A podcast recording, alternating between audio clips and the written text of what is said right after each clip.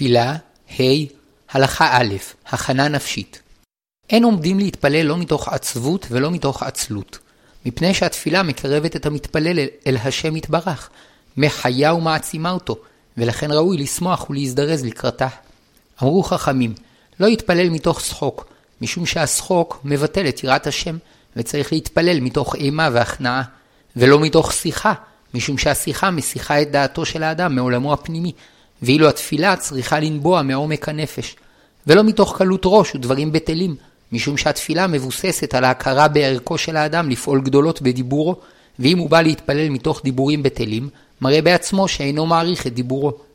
טוב לתת צדקה לפני התפילה, כדי לגשת לתפילה מתוך שמחה של מצווה, ועוד שהבא לבקש מהשם חסד ורחמים, ראוי שירחם אף הוא על העניים. והארי הקדוש אמר שטוב להתבונן לפני התפילה במצוות ואהבת לרעך כמוך, שהיא כלל גדול, וכל התפילה כולה נאמרה בלשון רבים, מפני שאנו מתפללים על הציבור כולו. לא יבוא אדם לתפילה מתוך טרדה, ואפילו מי שזכה ללמוד לפני התפילה, ישתדל שלא יבוא לתפילה מתוך לימוד של סוגיה מסובכת, מפני שמוחו עלול להיות טרוד בסוגיה, ולא יוכל לכוון כראוי בתפילה. אלא ילמד סמוך לתפילה ענייני הלכה ברורים, או דברי אמונה מרוממים. ומכל מקום, בדיעבד, לא יבטל תפילה במניין מפני שהוא טרוד בענייני תורה ומעשה. כדי שלכל הפחות בדקות הסמוכות לתפילה יעסקו בדברים מרוממים ומשמחים, תקנו חכמים לומר לפני תפילת עמידה דברים משמחים. לפני תפילת שחרית וערבית אומרים את ברכת גאה לישראל, ולפני תפילת מנחה אומרים אשרי. חסידים הראשונים לא היו מסתפקים בזה, אלא היו שוהים שעה שלמה לפני התפילה, כדי שיכוונו את ליבם כראוי לאביהם שבשמיים. תפילה, ה', הלכה ב', נטילת ידיים. המתפלל צריך לטהר עצמו, לפיכך מצווה ליטול ידיים לקראת התפילה. אלא שישנו חילוק בין מצב שאדם יודע שידיו מנותנפות, ובין מצב סתמי שאינו יודע אם ידיו טונפו. מי שידוע לו שידיו טונפו, כגון שעשה את צרכיו או נגע במקומות המכוסים שבגופו, שיש בהם זוהמה מסוימת מחמת הזיעה, חייב ליטול ידיים לפני התפילה.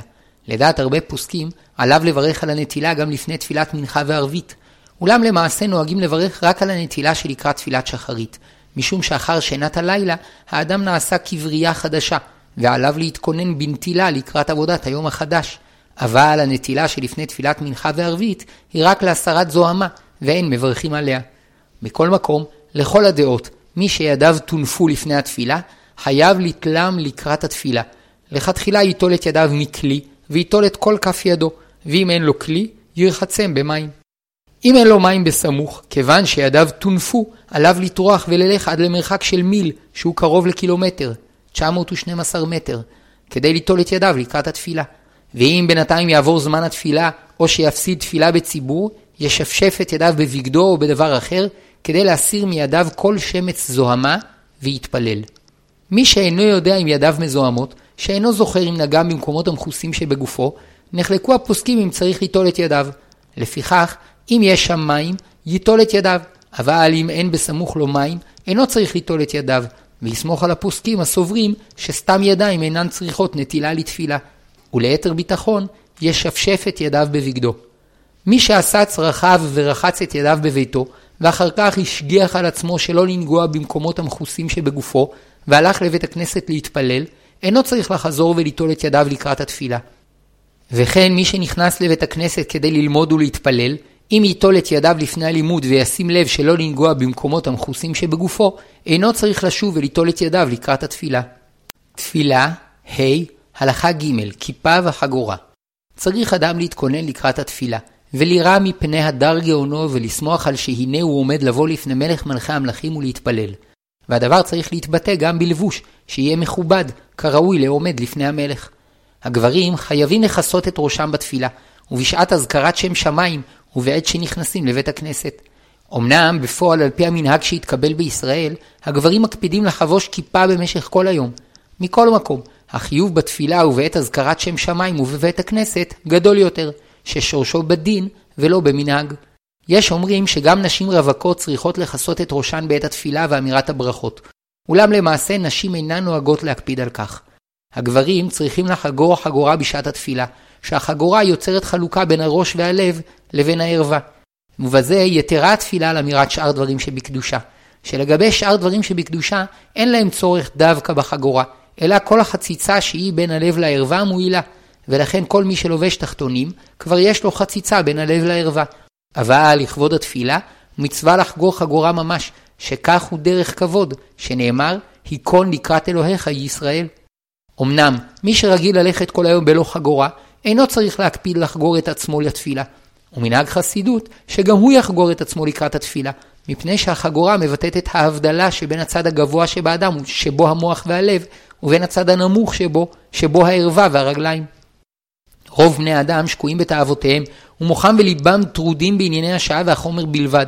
אבל ישראל, שקיבלו תורה מן השמיים, מסוגלים להתגבר על יצרם, ולייחד את מוחם וליבם לעניינים שברומו של עולם, ומתוך כך, לחזור אחר כך לעולם החומר והמעשה ולתקנו. ולזה רומזת החגורה בתפילה, ועליה תקנו חכמים ברכה מיוחדת בברכות השחר, עוזר ישראל בגבורה. וזה טעם החסידים שהם מהדרים וחוגרים עצמם בחגורה מיוחדת לתפילה. גרטל. תפילה, ה', הלכה ד', מהו הלבוש הראוי לתפילה? מי שנקלע למצב שאין לו בגדים, חייב לכל הפחות ללבוש בתפילה מכנסיים קצרים וגופייה. ואף שלאמירת קריאת שמע וברכות די בדיעבד בכיסוי הערווה בלבד, מכל מקום לגבי תפילה, שהוא כעומד לפני המלך, צריך לכל הפחות לכסות את ערוותו ואת ליבו, היינו את בטנו וגבו. וכל זה בדיעבד, אבל לכתחילה, ייהדר אדם ללבוש בגדים מכובדים, שלא יהיה כבוד שמיים פחות מכבוד בשר ודם. וכמו שאדם מקפיד להתלבש באופן מכובד לפני שהוא נפגש עם אנשים חשובים, כך לפחות עליו להקפיד להתלבש לקראת התפילה. ואומנם אדם שהולך פעם בחייו להקביל את פני המלך, לובש את בגדיו היפים ביותר, ואילו זה שפוגש בכל יום את המלך, מקפיד על בגדים מכובדים לפי תפקידו ומעלתו, אבל אינו מתלבש בכל יום בבגדיו המכובדים ביותר, וכך אנו בתפילה, הרי אנו כמי שבאים לפני המלך בכל יום שלוש פעמים, שלובשים בגדים נעים, אבל לא את המכובדים ביותר, שבהם אנו מתלבשים בחגים ובשבתות ובשמחות של מצווה. הכל לפי מנהג המקום והאדם. יש קהילות שכולם רגילים ללך בהם בכל אירוע חשוב במגבעת וחליפה, וממילא גם לתפילה עליהם לבוא במגבעת וחליפה. ובמקום שאין מקובל לבוא בפני אנשים חשובים בסנדלים בלא גרביים, ממילא גם לתפילה צריכים לבוא בגרביים. אבל במקומות שרגילים ללכת בסנדלים בלא גרביים ובלא חליפה ומגבעת, וכך נוהגים גם בפני אנשים חשובים, אפשר גם להתפלל כך. הרגיל להתפלל בחובה וחליפה, ונקבע, ונקלע למצב שאם ילך לביתו כדי להביאם יפסיד את התפילה במניין, מוטב שיתפלל בבגדים פשוטים במניין, שהמצווה להתפלל במניין קודמת להידור שבלבישת בגדים מכובדים.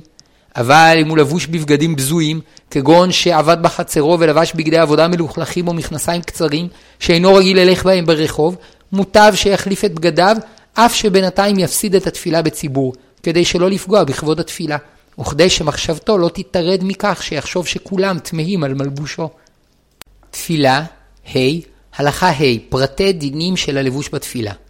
מותר לעוסקים במלאכת כפיים ולבושים בבגדי עבודה, וקשה להם להחליף את בגדיהם, להתפלל בבגדי עבודה, כי אלו בגדים שאינם בזויים אצלם, וכשיהיה להם זמן להחליף בגדים, ישתדלו לבוא לתפילה בבגדים מכובדים יותר.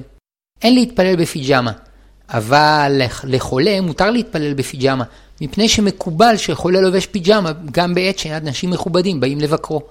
אין לעמוד בתפילה במעיל גשם, מגפיים וכפפות, שאין דרך לעמוד בהם לפני אנשים מכובדים. אבל בשעה שקר מאוד, מותר להתפלל במעיל, במעיל גשם וכפפות, שאין בכך פגיעה בכבוד התפילה, וכן במקום שהכל רגילים ללכת במגפיים, מותר לעמוד בהם בתפילה. מותר לנערים צעירים וחברי קיבוצים שרגילים ללכת במכנסיים קצרים גם בשעה שיבואו לבקרם אנשים חשובים, להתפלל במכנסיים קצרים. אבל החזן צריך לכסות את רגליו עד אחר ברכיו, מפני שההולך במכנסיים קצרים נקרא פוחח, ואינו רשאי להיות חזן. לפעמים אדם נמצא במקום שבו רגילים להקפיד פחות על הלבוש, כגון במקום נופש, שבו גם אנשים רגיל, שרגילים ללך תמיד בחליפות, נוהגים להסתפק בחולצות. ואם כן, מי שאינו מתבייש ללך שם גם בפני אנשים נכבדים בחולצה בלבד, יכול להתפלל שם בחולצה בלא חליפה. תפילה, ה', הלכה ו', שלא להביא לבית הכנסת ילדים העלולים להפריע. אסור למתפלל להושיב לפניו תינוק, מפני שיש לחוש שמא יטריד את כוונתו. וקל וחומר שאין להביא לבית הכנסת בזמן התפילה תינוקות וילדים קטנים שאינם יודעים להתפלל, מפני שהם עלולים להפריע למתפללים. ואף שישנו מנהג חסידות להביא תינוקות לבית המדרש כדי שיספגו מאווירת הקדושה שבו, זה דווקא בשעת לימוד התורה ולא בשעת התפילה. וגם בזמן הלימוד יש להקפיד שלא יפריעו. לחשיבות העניין, אזכיר את דברי השלה הקדוש, שכתב בשם ספר דרך חיים. שיחת הילדים בבית הכנסת, איסור גדול. ובזמן הזה, יש תינוקות באים לבית הכנסת כדי לתת עונש למביאיהם, לפי שהם באים לחלל קדושת בית אלוקינו, ולשחוק בו כברחובות קריה. יקומו לצחק זה עם זה, זה משחק עם זה, וזה מכה את זה, זה מרנן, וזה בוכה, זה מדבר, וזה צועק, זה רץ אלך, וזה רץ אלך, ויש אשר יעשה צרכיו בבית הכנסת, ואז כולם יצעקו, מים, מים, ויש אשר ייתן אביו בידו ספר, והוא ישליכנו לארץ, או יקראנו לשנים עשר קראים.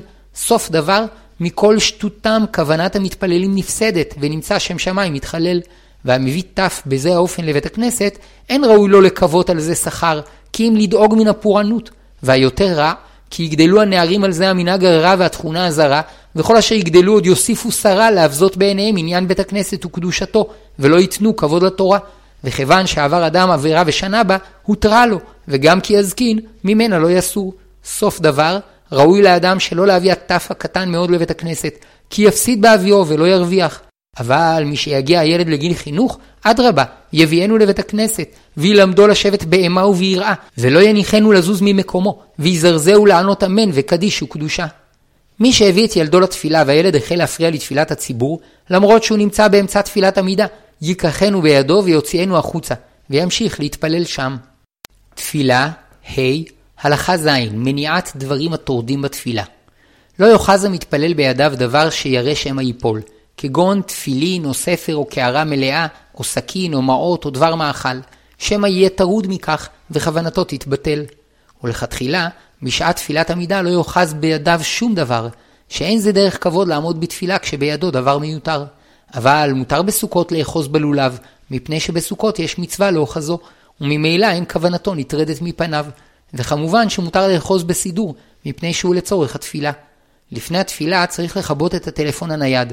בבית הכנסת ובמקום שיש סידורים, אין להשתמש במכשיר הנייד כסידור, כדי שלא יסיח את דעתו, וכדי שלא ייראה כמי שמסתכל בהודעות בזמן התפילה. מי שאין לו סידור והוא נצטרך להתפלל מתוך המכשיר, יבטל תחילה את האפשרות לקבל שיחות והודעות.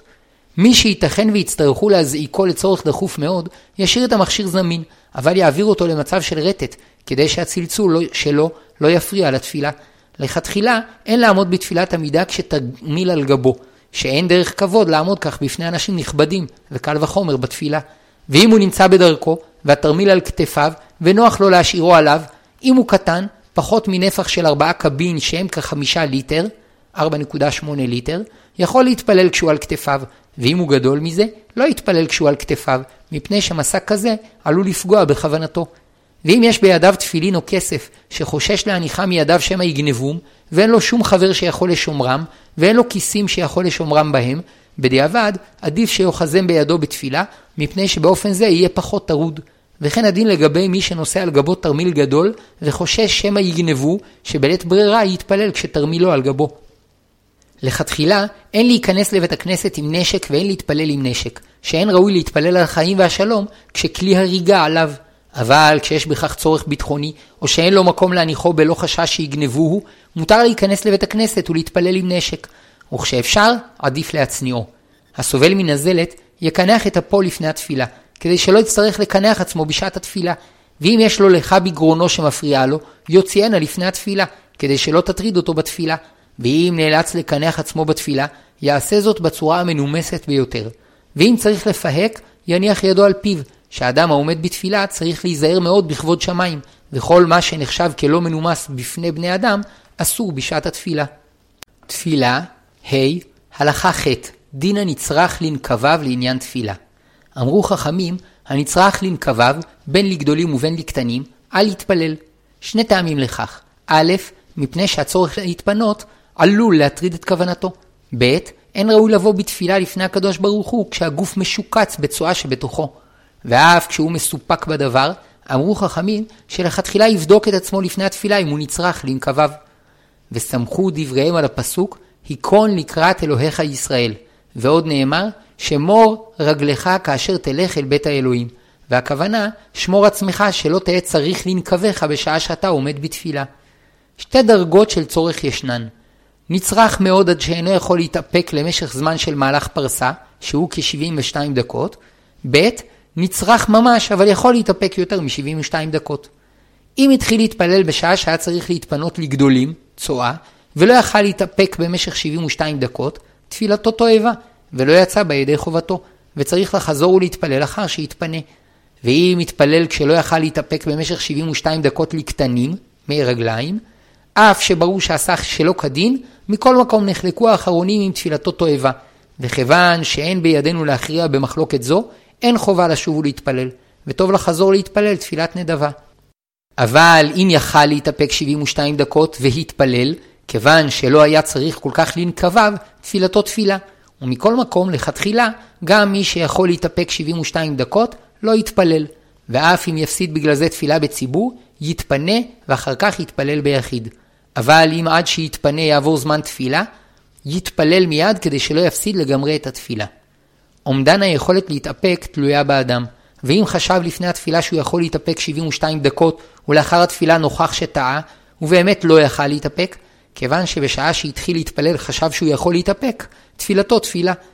אם יש לו ספק אם הוא צריך להתפנות, או שיש לו צורך קל, כפי שלמדנו, מלכתחילה יבדוק את עצמו ויתפנה לפני התפילה, אבל לא יפסיד לשם כך תפילה בציבור. תפילה, ה', הלכה ט', דין הנצרך לנקביו לשאר עניינים שבקדושה. כשם שהנצרך לנקביו ואינו יכול להתאפק 72 דקות, אסור לו להתפלל, כך גם אסור לו לברך ברכות, לקרוא קריאת שמע וללמוד תורה, שאין ראוי לעסוק בדברים שבקדושה כשגופו משוקץ, אלא שיש הבדל משמעותי בין התפילה לשאר דברים שבקדושה. משום שבתפילה אנו כעומדים לפני המלך, ואם מתפלל שלא כראוי, נמצא מבזה כבוד שמיים ותפילתו תועבה. ולכן המתפלל בשעה שלא יכל להתאפק 72 דקות, תפילתו פסולה.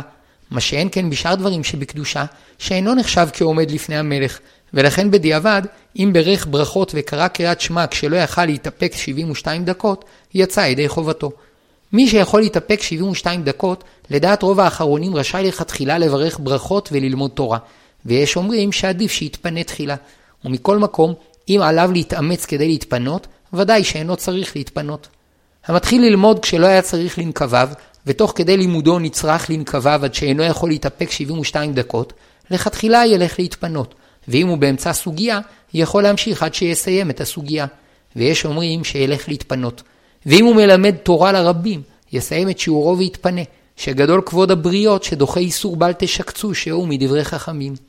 תפילה, ה', הלכה י', מי שבאמצע תפילתו הוצרך להתפנות. מי שהתחיל להתפלל בלא שנצרך לנקביו, ובאמצע תפילתו החל להתעורר אצלו צורך גדול להתפנות לנקביו, הדין תלוי עד כמה הוא צריך להתפנות ובאיזה שלב בתפילה הוא נמצא. שלוש מדרגות של צורך ישנן בדין זה. א', אם הוא יכול להתאפק במשך 72 דקות, מותר לו להמשיך עד סוף תפילתו. ב', אם ברור לו שלא יוכל להתאפק 72 דקות, אבל אינו צריך לעצור עצמו כדי למנוע את יציאת צרכיו, רשאי לסיים את החלק שבו הוא נמצא, ואסור לו להמשיך לחלק הבא. לפיכך, התעורר לו הצורך באמצע פסוקי דה זמרה, יתפנה לאחר ברכת השתבח. התעורר לו הצורך בברכות קריאת שמע, יתפנה בסיום הברכה או הפרק שבו הוא נמצא. ג. המדרגה החמורה יותר, שהוא ממש צריך לעצור בעצמו כדי למנוע את צרכיו מלצאת, שבשלב זה הוא עובר על בל תשקצו. אם הוא בפסוקי דה זמרה או בברכות קריאת שמע, כיוון שההפסקה בהם אינה חמורה כל כך, ילך מיד להתפנות. אבל אם הוא באמצע תפילת עמידה, כיוון שההפסקה שם חמורה, וכשהתחיל בתפילת עמידה לא הרגיש שהוא נצרך לנקביו, יסיים את תפילתו, ורק אם הוא במצב כזה שאינו מסוגל כלל להתאפק, ילך להתפנות. תפילה, ה', הלכה י"א, שיכור ושתוי.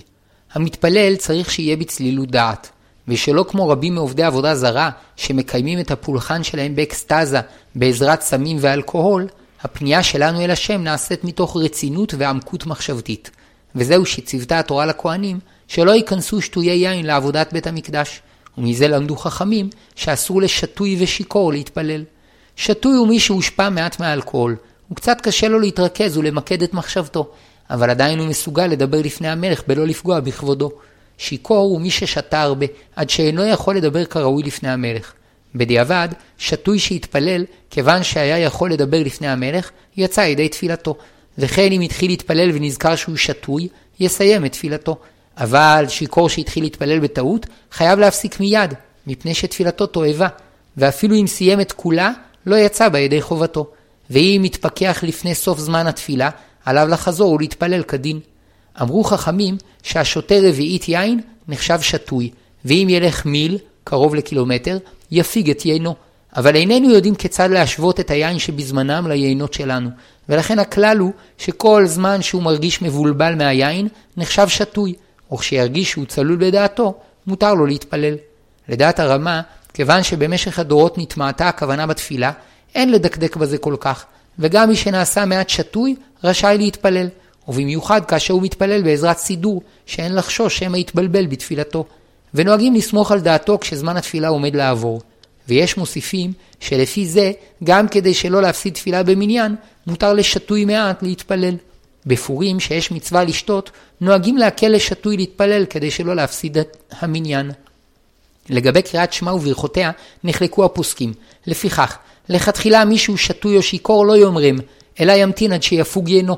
ואם זמן קריאת שמע עומד לעבור, השתוי יקרא את שמע עם ברכותיה, והשיכור יקרא את שמע בלא ברכותיה.